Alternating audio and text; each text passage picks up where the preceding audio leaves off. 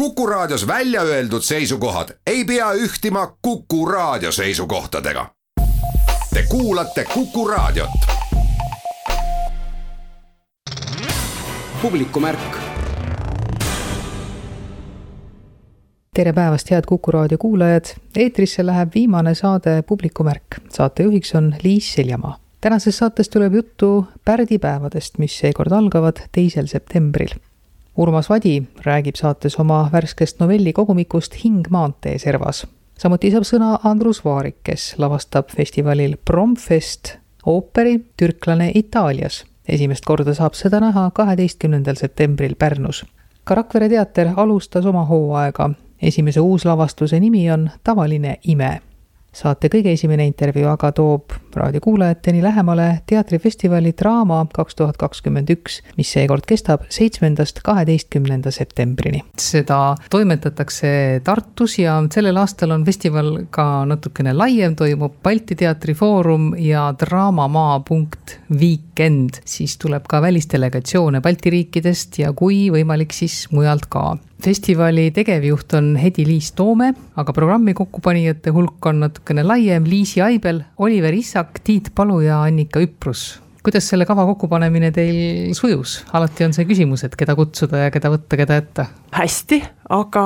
ikkagi meil oli väga pikk koosolek, istusime kolm tundi maas, täitsime pabereid, joonistasime skeeme, mis võiks kokku sobida, mõtlesime, et eks seda selleaastast programmi ka suunavad need täpselt samad Balti Teatri Foorum ja Draamamaa.weekend. Balti Teatri Foorumi eesmärk on siis tutvustada eelkõige meie Läti ja Leedu kolleegidele Eesti dramaturgiat, et see küll ei tähenda, et see peab olema ilmtingimata paberile pandud näidend, aga küll see võiks olla siis Eesti ja eestlase tehtud eripära suurepärane teater ja see Draamamaa Weekend, selle eesmärk on eelkõige Eesti teatrit eksportida, ehk siis sellised lavastused, mis võiks jõuda välisturule või välisvaatajateni, ehk siis me pidime ka neid asju arvesse võtma, aga ma arvan, et see programm on üsna eriilmeline, aga tahaks ka öelda, et sellel aastal mulle tundub tõesti, et meil on õnnestunud nagu tipud Tartusse selleks nädalaks kokku tuua. kuidas õnnestub see tutvustamine, ehk siis, et noh, kui palju me reaalselt saame siis äh, mujalt inimesi siia vaatama tuua? Meie lootus on see, et siia tuleb kuni viiskümmend välismaalast, et äh, nii Lätist kui Leedust peaks tulema viisteist inimest ja siis ülejäänud kakskümmend inimest siis erinevatest Euroopa riikidest, et tõsi on see, et tõesti kolmandatest riikidest keegi festivalile tulema ei hakka, nii et kaugemale kui Euroopa piirid see festival vist Eesti teatrit ei vii.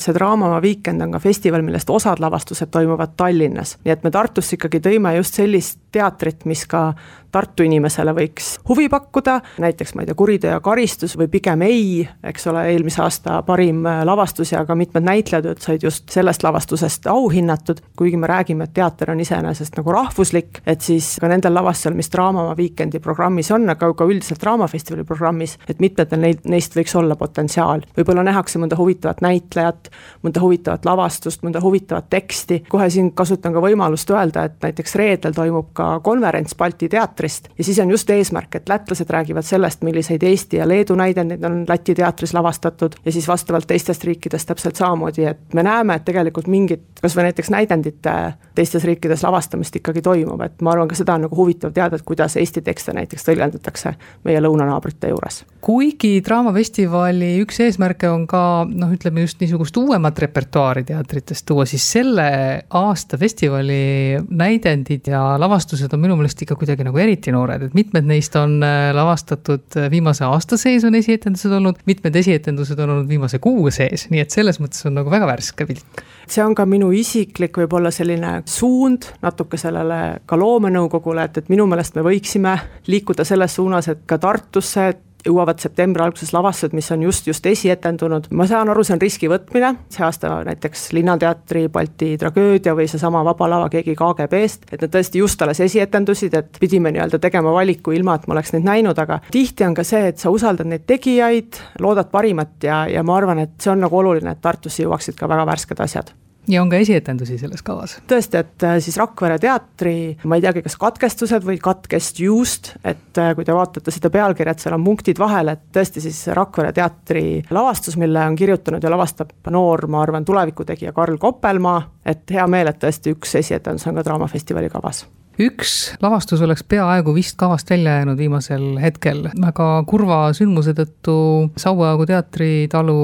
juuli lõpus esietendunud lavastus oli vist tõesti küsimärgi all, aga õnneks see lavastus saab ikkagi nagu elu elada edasi. Tõesti, see oli küsimärgi all ja, ja ma arvan, et see oli šokk mitte ainult tegijatele endile, vaid kogu Eesti teatri avalikkusele, sellepärast et tõesti, kui nii ootamatult sureb inimene, kes alles eelmisel õhtul oli laval, et siis see on tõesti nagu asi, mida keegi ei oota. ja võib-olla seda enam on ikkagi äh, hea meel selle üle, et me saame seda kaks korda Tartus näidata, Aleksander Eelmaa asemel mängib Meelis Rämmeld, kes äh, niikuinii selles lavastuses kaasa teeb ja osaliselt lastakse ka Aleksander Eelmaa teksti heli vahendusel, et see sellesse lavastusse täielikult sobitub, et need tõesti vist jäävad võib-olla viimasteks kordadeks, aga et see lavastus on ikkagi võimalik ära näidata, sest jällegi tahaks öelda, et Priit Põldmaa noore dramaturgina on minu meelest kindlasti väärt nii Eesti kui ka välismaa publikule näidata. See on olnud tihtipeale Draamafestivali häda ka, et äh, väga sellised kohaspetsiifilised lavastused, nendega on keeruline. Aga et me selles mõttes ka sellel aastal ehitame üles täiesti saali, mida on vist Draamafestivalil üks kord varem kasutatud, et see on siis nii-öelda Eesti Rahva Muuseumi sillaala, et kui te lähete A sissepääsust sisse, nii kui te läheksite tavaliselt Eesti Rahva Muuseumisse, sinna vasakule poole me ehitame siis suure lava, kus mängitakse Linnateatri Balti tragöödiat. Ja siis tõesti Margus Kasserpalu ja Priit Põldmaa siis nii-öelda lavastavad selle natuke ümber, aga, aga sellele kohale sobivalt. Festivali avamine toimub seekord jõe peal ja jõe kallastel, mis on ka tore, ega seda ei pruugita väga tihti. tegelikult see avamine ka mingis mõttes nii-öelda tuli mulle justkui kätte, et üks asi, mis see koroona on kindlasti kaasa toonud, on see, et Eesti erinevad kultuuriasutused teevad palju rohkem koostööd. Ja kui Eesti muusikapäevad minuga ühendust võtsid ja küsisid, et kas Maria Fausti uus teos Kootud relvad võiks ka kuidagi sobituda Draamafestivali kavasse, et siis ma viie minutiga sain aru, et see võikski olla Draamafestivali avamine. Ja ma arvan, et see tuleb väga efektne, kui on hea ilm, aga ma arvan ka halva ilmaga, et tõesti Maria Faust, seal on puhkpillid, trumm, nad sõidavad mööda jõge, et alustavad siis nii-öelda jalakäijate silla juurest ja liiguvad siis Lodja koja poole, tehes ka ühe peatuse delta treppide ees, et siis inimestel on võimalik nagu erinevates kohtades vaadata või, või terve aeg ka selle kontserdiga kaasa jalutada muidu on mängupaigad võrdlemisi traditsioonilised, käiku lähevad teatrimajad, nimetatud siis juba Eesti Rahva Muuseum, kus on ju ka teatrisaal, kus samuti mängitakse, Tartu Uusteater, kõik Vanemuise majad, aga toimub ka veebis üht-teist. kas ta toimub sellel aastal ka noh, ikkagi sellise teatrirahva kokkusaamisena ja räägitakse ka asjadest, mis teatriinimestele endile nagu võib-olla muret teevad, südamelähedased on, millest nad tahavad rääkida? jah, et jätkuvalt, kuna sellega on seotud mitmed inimesed, kes on äh, ka seotud Tartu Ülikooli teatriteaduse osakonnaga, kaasa arvatud ma ise, professor Anneli Saro, aga näiteks ka loomenõukogust Oliver Issak on inimene, kes kirjutab palju teatrikriitikat ja mõtestab laiemalt Eesti teatrit, siis me peame seda jätkuvalt väga oluliseks, äh, jällegi kindlasti toimuvad ette etendusjärgsed arutelud, ehk siis äh, inimestel on võimalik ka pärast etendusi rääkida lavastajate, näitlejatega, mida vahendab mõni teatrikriitik või, või äh, oma ala ekspert. kindlasti on plaanis äh, reedel ja laupäeval sellised suuremad vestlusringid, üks arvatavasti festivalide tähtsusest, tulevikust üleüldiselt, eelkõige siis keskenduda teatrifestivalidele ja laupäeval arvatavasti räägime teatriharidusest. Draamafestivalil kehtib ka seesama tervisekontroll nii-öelda. jah, et äh, lähtuvalt siis reeglitest ka meie kontrollime kõikides mängukohtades äh, Covid passi, see tähendab siis seda, et kas inimesel on tehtud kaks vaktsiinidoosi või siis üks, kui on tehtud Jansseni vaktsiin, kas on olnud kuus kuud vähemalt läbipõdemisest või on siis kaasas negatiivne test ja koostöös Confidoga me saame pakkuda ka seitsmeteist eurot testimisvõimalust, mis on soodsam kui tavaliselt, et selleks tuleb siis meie kodulehelt lugeda, tuleb saata üks e-kiri ühel vastaval meiliaadressil, kus teile saadetakse siis sooduskood, millega te saaksite selle testi äh, siis suhteliselt soodsama hinnaga teha. publikumärk.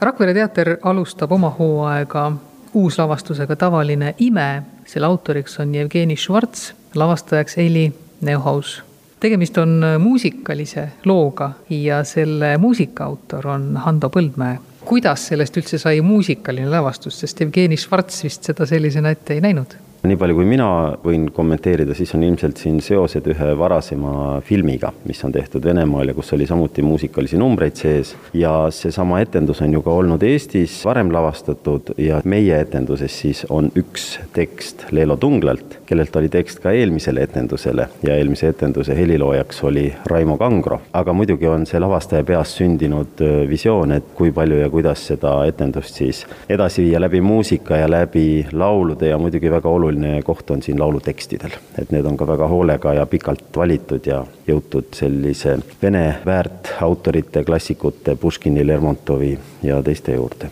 See tuli natuke aega hiljem välja, aga Jevgeni Švarts on ise väitnud, et tema tavalist ime tuleks lavastada nagu muusikateost. Aga võib-olla mõjutas ka see nii-öelda lapsepõlv ja lapsepõlves nähtud film Aboknavenna Tšuda see ei ole esmakordne, kus ma oma lavastustes väga palju muusikat äh, kasutan ja muusikalisi kujundusi nagu väga valin. praegu tundub, et oli iseenesestmõistetav ja ainuõige tee. aga kuidas need laulutekstid siis? võib-olla sai määravaks see, et me tegelikult Handoga ikkagi alguses otsisime ja hulpisime teisi teed pidi aga kuna ma olin siis juba selleks hetkeks jõudnud ka materjaliga nagu ise sina peale saada, siis mulle tundus, et et selles loos peab olema põhjendatud, miks üks või teine tegelane järsku laulma hakkab. ja siis ma leidsingi sellise noh, omaette toreda võimaluse, et me kujutame läbi laulude mingit inimese teist plaani, mingit allteksti ja, ja siis jõudsidki need tekstid minuni võib-olla ka sellepärast, et ma ise olen väga suur vene lüürikute ja üldse vene kirjanduse ja, ja luule austaja, et võib-olla ka sellepärast läksime me nii rasket teed pidi no muidugi ühele heliloojale, kellel palutakse luua originaalmuusika mingile lavastusele, see on ju noh, ütleme muusika tema kõrvadele, olgu siis tekstid rasked või mitte. no loomulikult olen ma väga tänulik selle võimaluse eest, sest see teekond oli päris pikk ja ka üsna konarlik, tuleb tunnistada, aga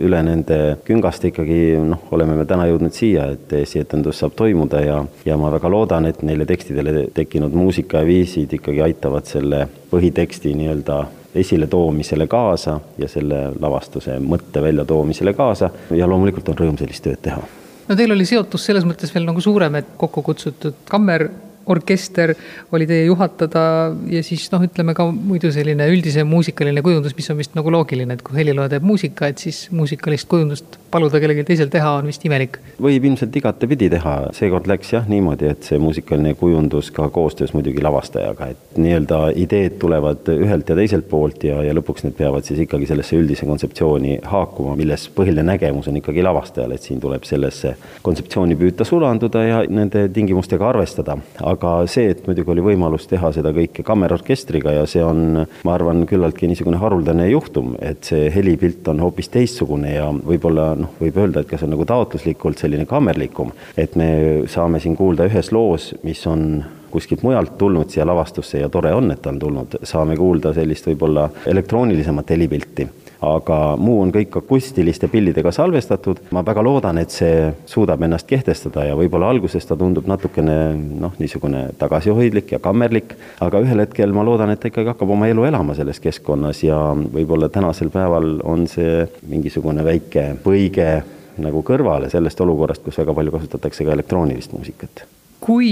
teha juba muusikalavastust, siis vist peab näitlejad ikkagi natuke selle järgi valima, et kui hästi nemad ennast seal muusikalavastuses tunnevad, kui neil on ülesanne ka laulda lisaks näitlemisele. muidugi üks selline tore eestikeelne sõnamäng, et kui tegelane on karu, siis seda mängib mees nimega Ott. Vot ei oska muud moodi kommenteerida, kui nii ei olnud planeeritud, aga väga palju sellest, mis ka Hando rääkis, et see on olnud üks selline protsess, kui see idee tekkis aasta tagasi vist, eks ega ma ei osanud ka unes ette näha, et mul avaneb selline harukordne võimalus, et ma olen äh, lindistuse juures, kus üks kammerorkester mängib minu loole muusikalist kujundust. olla selles protsessis juures, ma ei võinud uneski näha kui ma selle ideega lagedale tulin, et minu lavastuses hakkab peaosa mängima Ott Lepland. võib-olla kõige algne idee oli üldse see, et panna draamanäitlejad laulma ja ma tänan Rakvere teatrit, kes siiski survestas mind ja tegi ettepaneku, et selles rollis võiks olla keegi võõras, keegi väljast, keegi, kellel ei ole klassikalist teatriharidust ja see sisuliselt hakkas palju paremini tööle, sest ta kandiski seda inimeseks olemise raskust et tõeline inimene ja võib-olla isegi ütelda tõeline näitleja on väga raske olla. nagu ütleb esimene tegelane, kes selles tükis lavale astub, et ime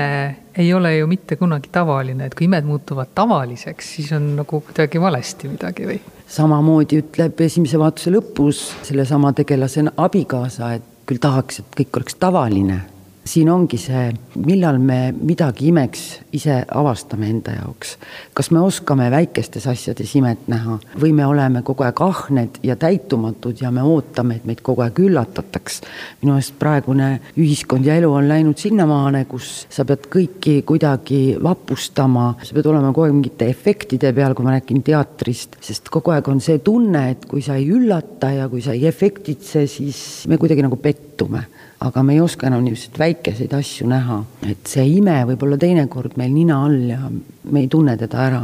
või siis on midagi, mida me arvame, et me tahame, aga asjaolude muutudes võib-olla nii väga ei tahagi enam. see ongi see selline tarbijalik ühiskond praegu, et meil on vaja neid ja neid asju, võib-olla meil on vaja vahetada ka mehi, naisi, uuemaid valida. me kogu aeg nagu tarbime ja kui me selle kätte saame, siis me ei oska seda hinnata. praeguses ühiskonnas, noh, viies paralleeli koroonaga, siis me kuidagi tahame seda vana elu tagasi kogu aeg, aga minu meelest oleks võib-olla retsept, et lepi sellega mis sul praegu on, et sellist leppimist ja iseendaga rahu sobitamist läbi hoolimise ja mõistmise, et mu meelest seda on vaja ja sellest ma püüdsin oma tükis ka nii-öelda märku anda igal juhul on see tore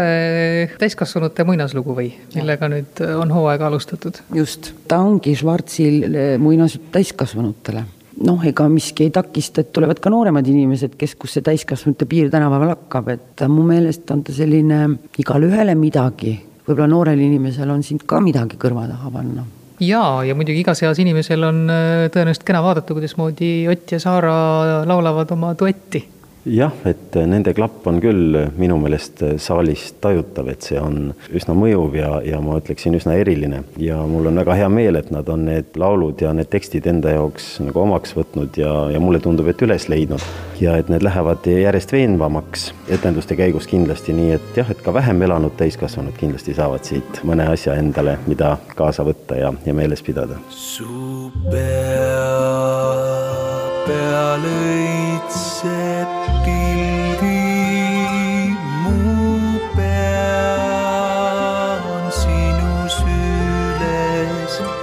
me perdoa.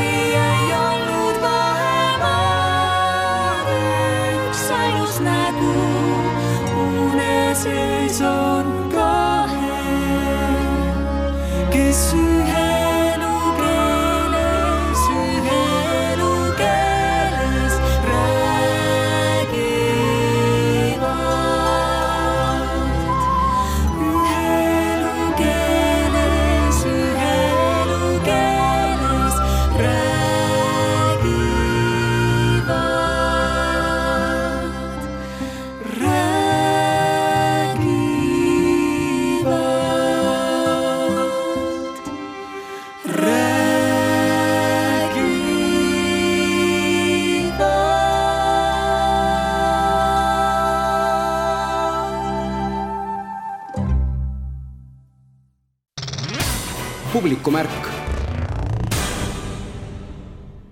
rahvusvaheline ooperimuusikafestival Promfest tähistab sellel sügisel kümnendat toimumiskorda. kaheteistkümnendast üheksateistkümnenda septembrini Pärnus ja võimalik on näha ka lavastust, mida mängitakse selle festivali raames ainult kahel õhtul. Andrus Vaarik toob Kaunase riikliku muusikateatri Pärnusse ja lavastuse pealkiri on Türklane Itaalias. Andrus, kui palju sa ooperi lavastamisega kokku oled puutunud? väga minimaalselt. ma olen äh, lavastamisega üldse väga pisteliselt kokku puutunud, peamiselt tänu sellele, et äh, meil on väga suur lavastajate defitsiit ja minusugused võivad karistamatult teiste näitlejate ees lavastajat esitada. kuna ma olen enam-vähem korralik näitleja, siis äh, ma mõjun päris usutavalt. aga mis ooperisse puutub, siis esimene seiklus selles rubriigis oli aastaid-aastaid tagasi, kui ähm, Tõnu Kaljuste kutsus mind Nargen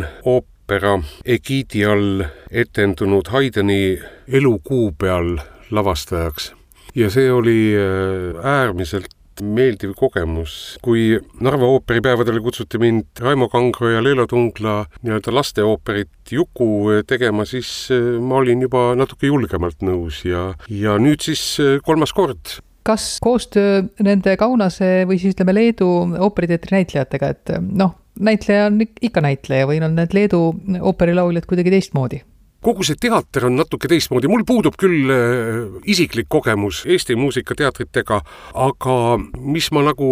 kuluaaridest olen kuulnud ja mis ettekujutus võib-olla põhjendamatu mul on jäänud, siis Kaunase teater mõjub väga soojalt ja professionaalselt ja väga entusiastlikult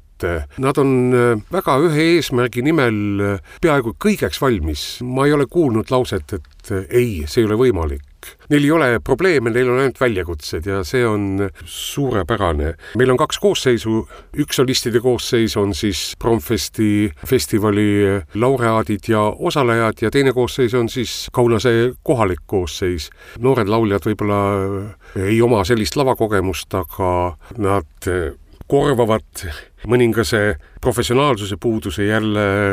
tohutu entusiasmi ja uudishimuga. no võib-olla on natukene see vahe ka, et need Profesti lauljad ei jätka selle mängimisega repertuaaris, eks ole, et repertuaaris mängivad seda siis Kaunase enda näitlejad jaa, ta jääb Kaunase repertuaari, aga ma olen aru saanud, et lauljate puhul, kui nad ühe partii on ära õppinud, siis see jääb neile kuskile kõvakettale alles ja nad on seda valmis väikese reanimeerimise järel taas ka mõnes teises lavastuses laulma räägime siis ooperist endast ka, türklane Itaalias. Giacchino Rossini kirjutas selle väga noore mehena, vaid kahekümne kahe aastasena ja Eestis seda viiskümmend aastat ei olegi mängitud, nii et see on ka selline omapärane võimalus kui ma esimest korda selle libreto läbi lugesin, mul oli ka see viiekümne aasta tagune Estonia jaoks tehtud tõlge ja Erkki Pehk tegi ka uue tõlke. ega see lugu äh, muutis mu suhteliselt nõutuks, sest ta on äh, täiesti selline jabur kiimakomöödia, äh, mis minu meelest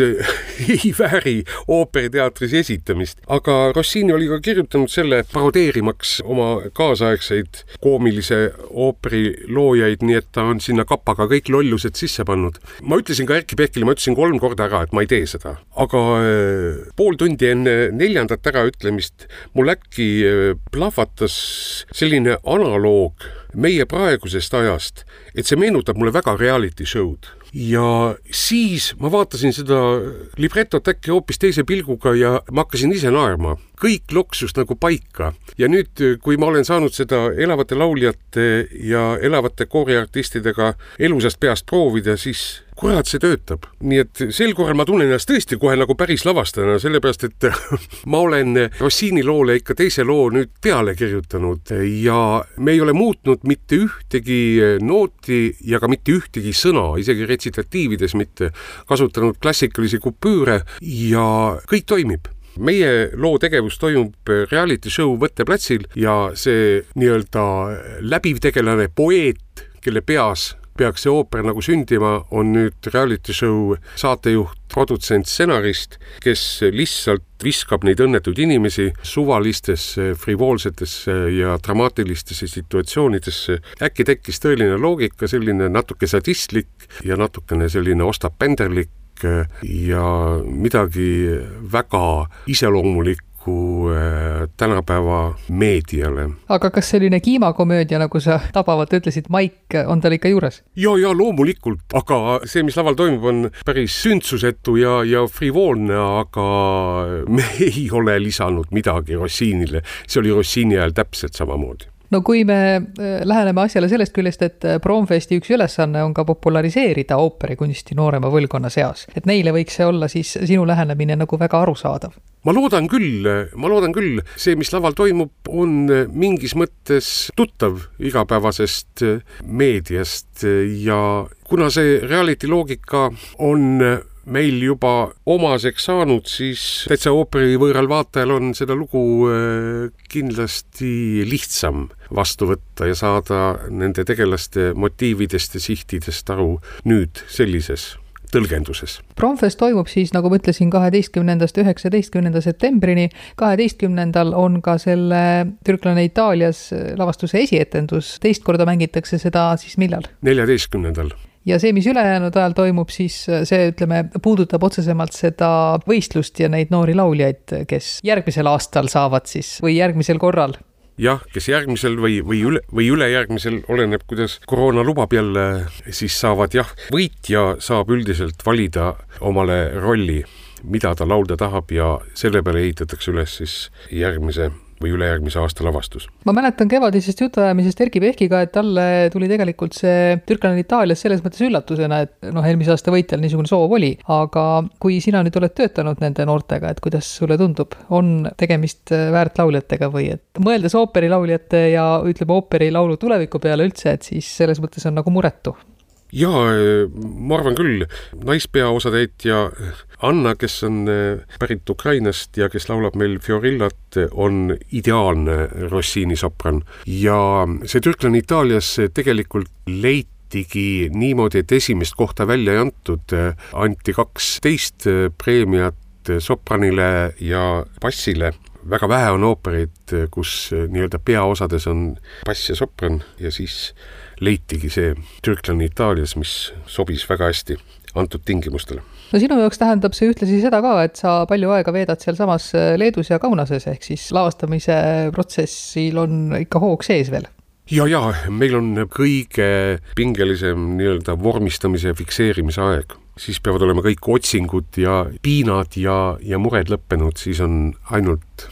karm repetee, repetee, repetee. siis on äh, nii-öelda looming mõneks ajaks läbi, siis tuleb see fikseerida, et reeglid saaksid selgeks, et neis väga rangetes reeglites siis esietendusel saaks see kõik jälle tohutult loominguliseks muutuda. publikumärk Urmas Vadi novellikogumik Hing maantee serval on paar nädalat lugejate ees juba olnud, sellel oli ka tore esitlus, Urmas, sinu enda kodus vist, ja, ja igati äh, kuidagi nagu hoog on vist sees sellel raamatul ja kuidas sulle tundub? selle raamatu kaane peal on Peeter Laurits on moosiga kirjutanud Hing maantee serval ja seal on üks moosilärakas ka. Ja siis tundus, et see ongi nagu selline mõnus suvine või varasügisene nagu asi, see moosi tegemine, moosi söömine ka, et teeme sellise esitluse, et kuna seal juttu on selles raamatus ka nagu mu enda koduaiast või noh, mõtlesime, et teemegi aiapeo ja pakume külalistele moosi ja saia ja punast veini tõlgendamise küsimus muidugi, sina ütled, et on moos, aga mõni ütleb, et uu, miks te niisuguse verise kirjasiia olete teinud? jah, ega ongi nagu tore, et mõni vaatab, et on veri ja mõni vaatab, et on moos. samas, kui ikka väga nagu lähedale minna, kes julgeb juba, siis saab ikkagi marjad aru, on näha, jah. see ikkagi on moos ja võib-olla see ongi nagu mingi selline suur mõte sellel raamatul, et tundub alguses hirmus, aga et lähed lähedale, siis on midagi muud no novellid on ikkagi niisugused puändiga, ütleme, mõni on selline, et paar viimast lauset annab täiesti üllatava niisuguse lõpu või nüansi sellele. kusjuures see on naljakas, et ma pean küll väga lugu puäntidega novellidest või juttudest, aga ma nagu meelega nüüd, et noh, et oleks iga lugu või, või noh, enamus lugusid puändiga, seda ma küll ei taotlenud kirjutades, kuidagi need lõpud nagu keerasid või need lood kui sa niimoodi ütled, siis tõesti tegelikult enamus lugudel on puänt. selle viimase loo puänt on minu meelest veel eriti kena. Mulle meeldivad alati sellised ägedad lõpud küll, et alguse lause on hästi oluline ja lõpulause on kuidagi hästi oluline, et peaks kuidagi nagu kanna maha panema, see esimene lause ja siis see viimane lause võib-olla ka selle asja kuhugi mujale nagu asetama sa siin paari novelli alguses tsiteerid ka klassikuid, Dante Alighieri't ja siis tuntud R.E.M.-i lugu Losing my religion on päris esimese novelli kohe niisugused esimesed read, et miks need on kuidagi tähtsad sulle tundunud? tegelikult see R.E.M. on mulle mingi aeg, just siis, kui ma keskkooli lõpetasin ja ülikoolis käisin, just need vanad R.E.M.i asjad olid kuidagi hästi olulised ja lahedad ja ega ta on ikka endiselt lahe bänd, seesama salm sellest laulust, et Losing my religion, no seal on juttu sellest, et ma olen nagu valguse nagu spotlightis ja kaotan nagu usku. Ja siis mul millegipärast seostus see mingisugust enda mälus-hopist sellega, et ma olen kunagi sammalahabe olnud. Koolikarnevalil ja ma ei tahtnud olla. Ja mulle tundus, et see on ka selline samasugune hetk, eks ju, et millest see Remm laulab, et aga mulle meenus see kuidagi, meenutas kohe seda enda karnevali pildi tegemist, kui tehti nagu mingi sähvatusega pilt ja siis sellel hetkel ma tõmbasin nagu enda selle sammalhabeme kaabu nagu nii silmini, kui vähegi olla sai, sellepärast et keegi mind ära ei tunneks, sest et sammalhabe tegelikult äh, oli väga nõme olla. kas seda lugu sa pidasidki silmas, kui sa ütlesid ühes intervjuus, et äh, ega sa ei mõtle ju, et mis ema sellest arvab, kui sa seda kirjutad? tegelikult ma arvan, et mu ema, kuigi ta noh, ei olnud ju üldse kirjanduse inimene, aga ma arvan, et ta saab naljast aru et see ei ole mingi selline nagu kuri lugu, ükski nendest lugudest ei ole selles mõttes kuri, et inimesed, kes seal on nagu mainitud, seal on nagu inimesi noh, kes päriselt veel elavad ja tegutsevad, et see ei ole mingisugune arvete õiendamine või mingisugune ma nüüd kirjutan, siis ma panen sul nüüd kaante vahele ja ela siis edasi, paras sulle, on ju, et seal mingisugust sellist kättemaksu ei ole kindlasti tõde või see reaalsus ei saa või ei tohiks minu meelest kunagi ühtegi head lugu ära rikkuda. et see on ikkagi minu jaoks selle, selle kirjanduse, mida mina ise kirjutan, põhi nagu olemus või et see tõde on niikuinii nii ebamäärane asi, et mis ta on ja kelle jaoks ta mis on, aga et kirjandus ongi kirjandus kuidas need asjad nagu tegelikult olid, noh, selle peale võib mõelda, lugeja võib ka selle peale mõelda, aga see point on kindlasti kusagil mujal kui see, et ma tahaks öelda, et Jaanika Kroonberg tahab nagu inimestest suppi teha, eks ju. aga Jaanika Kroonberg muidugi, ma ei tea, kuidas ta tegelikult on seda lugu võtnud, aga kui me oleme teda linna peal näinud, siis ta on ikka öelnud, et millal me suppi teeme. et sa vist nii palju nagu kirjanikest, kirjutamisest ja sellest kirjanike maailmast ei olegi kirjutanud enne? Äh, vist ei ole jah, eks ma olen ka ja siis ma olen jällegi proovinud hoida seda distantsi, et see on noh, väga lihtne, et kirjanik kirjutab kirjutamisest, kirjutab kirjandusest, kirjutab teistest kirjanikest, et see tundub tundub nagu selline kirjanike enda mõttes nagu selline meelis teema, et millesse siis muust veel kirjutada, aga siis mingi aeg mulle tundus, et ma jätaks nagu selle kirjandusest kirjutamise järele, aga nüüd selle raamatu puhul mulle tundus, et mis ma ikka põen, kui ma kirjutakski nagu sellest, mida ma tean või mida ma ise kogen, mille peale ma mõtlen, siis võib-olla see kirjanduse elu või, või mingid detailid seal ei olegi niivõrd määravad, seda kirjutan ju ikkagi mina, kellel on ka samamoodi nagu kõigil teistel on rõõmud ja mured ja kõik need asjad ja tundmused. pigem on see nagu sellest, et kirjanikul ka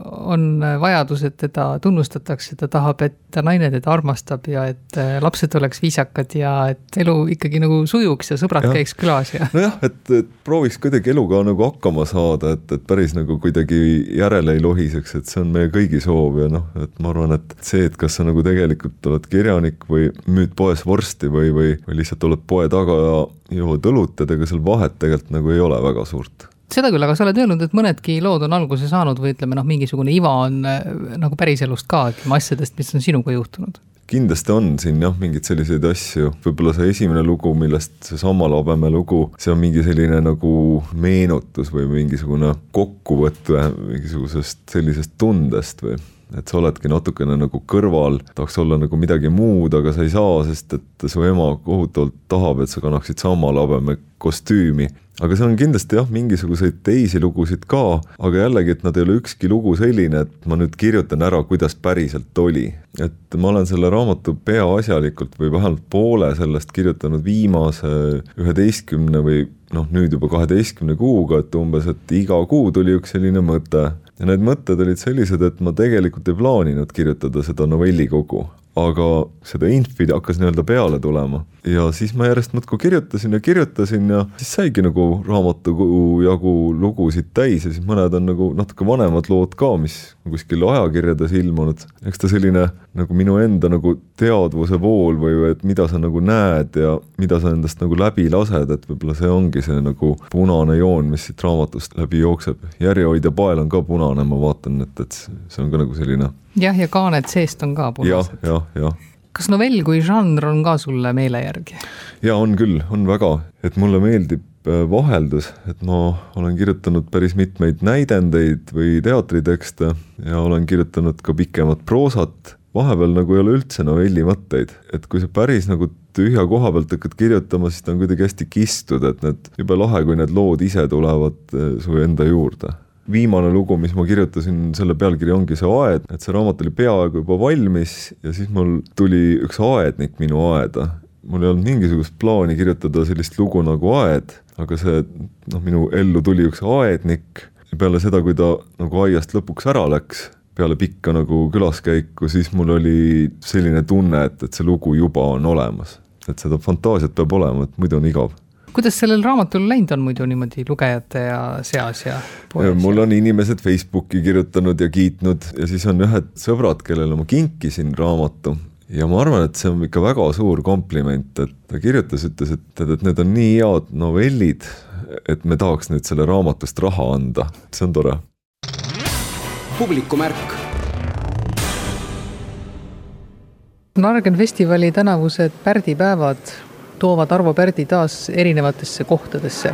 toimuvad kontserdid siis muidugi pärdipäevad Tallinnas ja pärdipäevad Laulasmaal, aga ka Rakveres, Raplas, Kuressaares, Pärnus, Viimsis, Viljandis, Hiiumaal ja Tartus. Neid kohti vist tuleb järjest juurde, kuhu need pärdipäevad igal aastal jõuavad. tänu Kaljuste ma usun, et seda tervitatakse igal pool, kuhu pärdipäevad iganes minna tahavad. mina arvan, et see on loomulik levik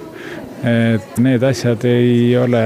siirdunud erinevatesse Eesti paikadesse sealt mingil müstilisel põhjusel, aga äh, on tekkinud juba huvi ja meid kutsutakse erinevatesse kohtadesse pärdimuusikaga, nii et selles mõttes me anname järgi ja läheme kas mingeid takistusi on noh, näiteks saalide või millegi sellise osas? ütleme, kirikutes saab mängida asju, kus on orelid, eks ole, neid mujal ei saa mängida, aga muus osas? No eks me ole selle muusikaga tegelenud ja teame, kus, mida tuleb teha. kui näiteks väikses Laulasmaa saalis, mis on Pärdi keskusel, esineb maailmakuulus Hollandi pianist Raab, siis ta toob meie juurde väga huvitava kompositsiooni ja väga intiimse kompositsiooni Arvo Pärdi ja tema kultuuri esindajatega. nii et me oleme püüdnud leida igale programmile sobiliku keskkonna see nimetatud pianist äh, esineb ka mujal, mitte ainult Laulasmaal, noh, kasvõi näiteks Tallinnas avakontserdil teisel septembril. jah, avakontserdil ta mängib Arvo Pärdi Lamentaat ja see on üks imeline teos klaverile sümfooniaorkestrile. ma mäletan, kui ma käisin seda esiettekandes kuulamas Londonis Tate Museumis, siis eh, seda esitas Grimaud ja peale seda on läinud see teos väga-väga paljudesse kontsertsaalidesse üle maailma. me olemegi siin oma kohalike muusikutega seda pidevalt esitanud ja seda on meil kõige rohkem mänginud Marrit Kerets ja nüüd me hakkame proovima ka teisi interpretatsioone siia tooma. See kontsert toimub siis Jaani kirikus, aga teisel septembril on ka Rakveres kontsert pealkirjaga Maria Magdalena. sellel kontserdil on kompositsioon Vox Clamantisel, Maria Magdalena meditatsioonid, mis on sellest tsüklist, mida Jaan-Erik Tulve on välja valinud saa olema küllaltki üllatav ja huvitav kompositsioon ja avapauk Rakvere poolt. Maria Magdalena tuleb veel esitamisele ka näiteks Pärnus? nii on, nii on jah, mõni programm kõlab erinevates saalides, mõni on üksik nagu avakontsert. pärdipäevad Haapsalus toob esimest korda kava, mille pealkiri on IKOS ja seda mängitakse näiteks ka Paides veel no IKOS on õigeusu kiriku palvevorm, mida seekord esitab Hendrik Üksvärav oma kolleegi musikaalkooriga. Kui kollektiividest veel rääkida, siis Eestist äh, Vox Clamantis, Collegium Musicale, rääkimata siis juba Filharmoonia Kammerkoorist, need on sellised kollektiivid ka, kes käivad kokku pärdipäevadega. nii on ja kõikidel on huvi äh, järjest luua erinevaid äh, programme erinevate pärditeostega ja, ja ses mõttes on väga hea koostöö väga erinevate muusikutega Eestis ja me püüame luua ka kogu aeg huvitavaid muusikuid ka mujalt ja sellel aasta niisuguseks raamiks on just Hollandi kunstnikud. Raabist juba rääkisime, aga viimane kontsert, sünnipäevakontsert on jälle hollandlaste pärad, siis on Gesualdo kontsert Amsterdamist, esitab oma programmi. nimetatud Eesti Filharmoonia Kammerkoor astub Raplas Maarja Magdalena kirikus üles kontserdiga Pärt ja Trüflee Dürflee Requiem on see põhiteos, mida me ette kanname koos Kadri Toomojaga ja see reekviem on meil kavas õige mitmes kohas sügisel ja me ühendame seda jah, Arvo Pärdi niisuguste teostega, mida ka harva koori ettekandes kuuleb. Anden Wasser zu Babel on äh, tuntud teos, mida tavaliselt ehitavad solistid. sedapuhku me teeme seda terve kooriga ja see on niisugune minu jaoks väga huvitav leid, et äh, selle kooriga ettekandes muutub see teos väga kirkaks ja väga omapäraseks. kõrvus on kõikidel solistidega ja me oleme muidugi toonud ka väikese ootamatuse sinna kavva teos, mida me laulame O Holy Father Nicolas. See on Arvo Pärdi teos, mida ta kirjutas New Yorgi Kreeka ortodoksi kiriku sisseõnnistamisele, see on siis New Yorgi kirik, mis hukkus samamoodi koos kaksiktornidega üheteistkümnendal septembril. Ja selle kiriku uus avamine on ees ja Arvo Pärt nõustus, et me laulame seda siin niisuguses ühes variatsioonis. Ja noh, esiettekanne tuleb ikka New Yorgis, aga meil on luba see siin ka ette kanda on üks kontsert, kus saab kuulata mitmeid Arvo Pärdi teoseid Tõnu Kõrvitsa seades. Seila Luce on kontserdi nimi ja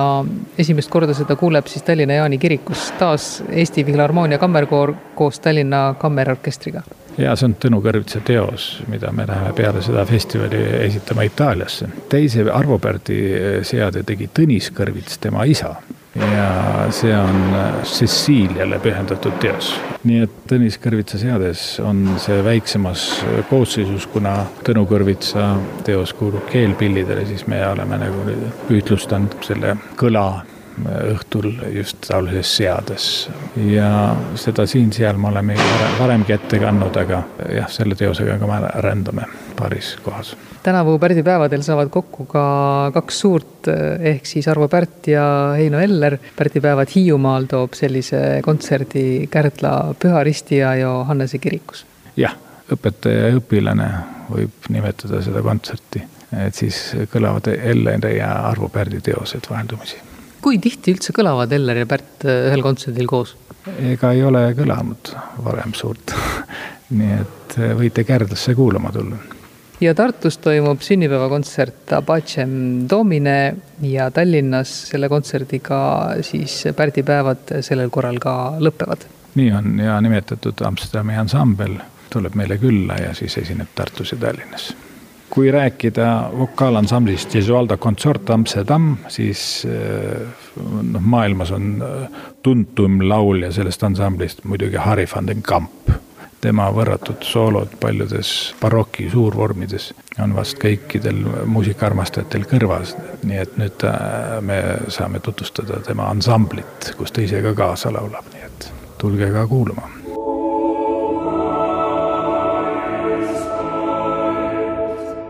Ja sellega ongi kõik, publikumärk lõpetab. Liis Seljamaa tänab kõiki kuulajaid ja kõiki neid, kes saate tegemisele kaasa aitasid. kohtume edaspidi teatrisaalis, kontserdisaalis ja näitusesaalis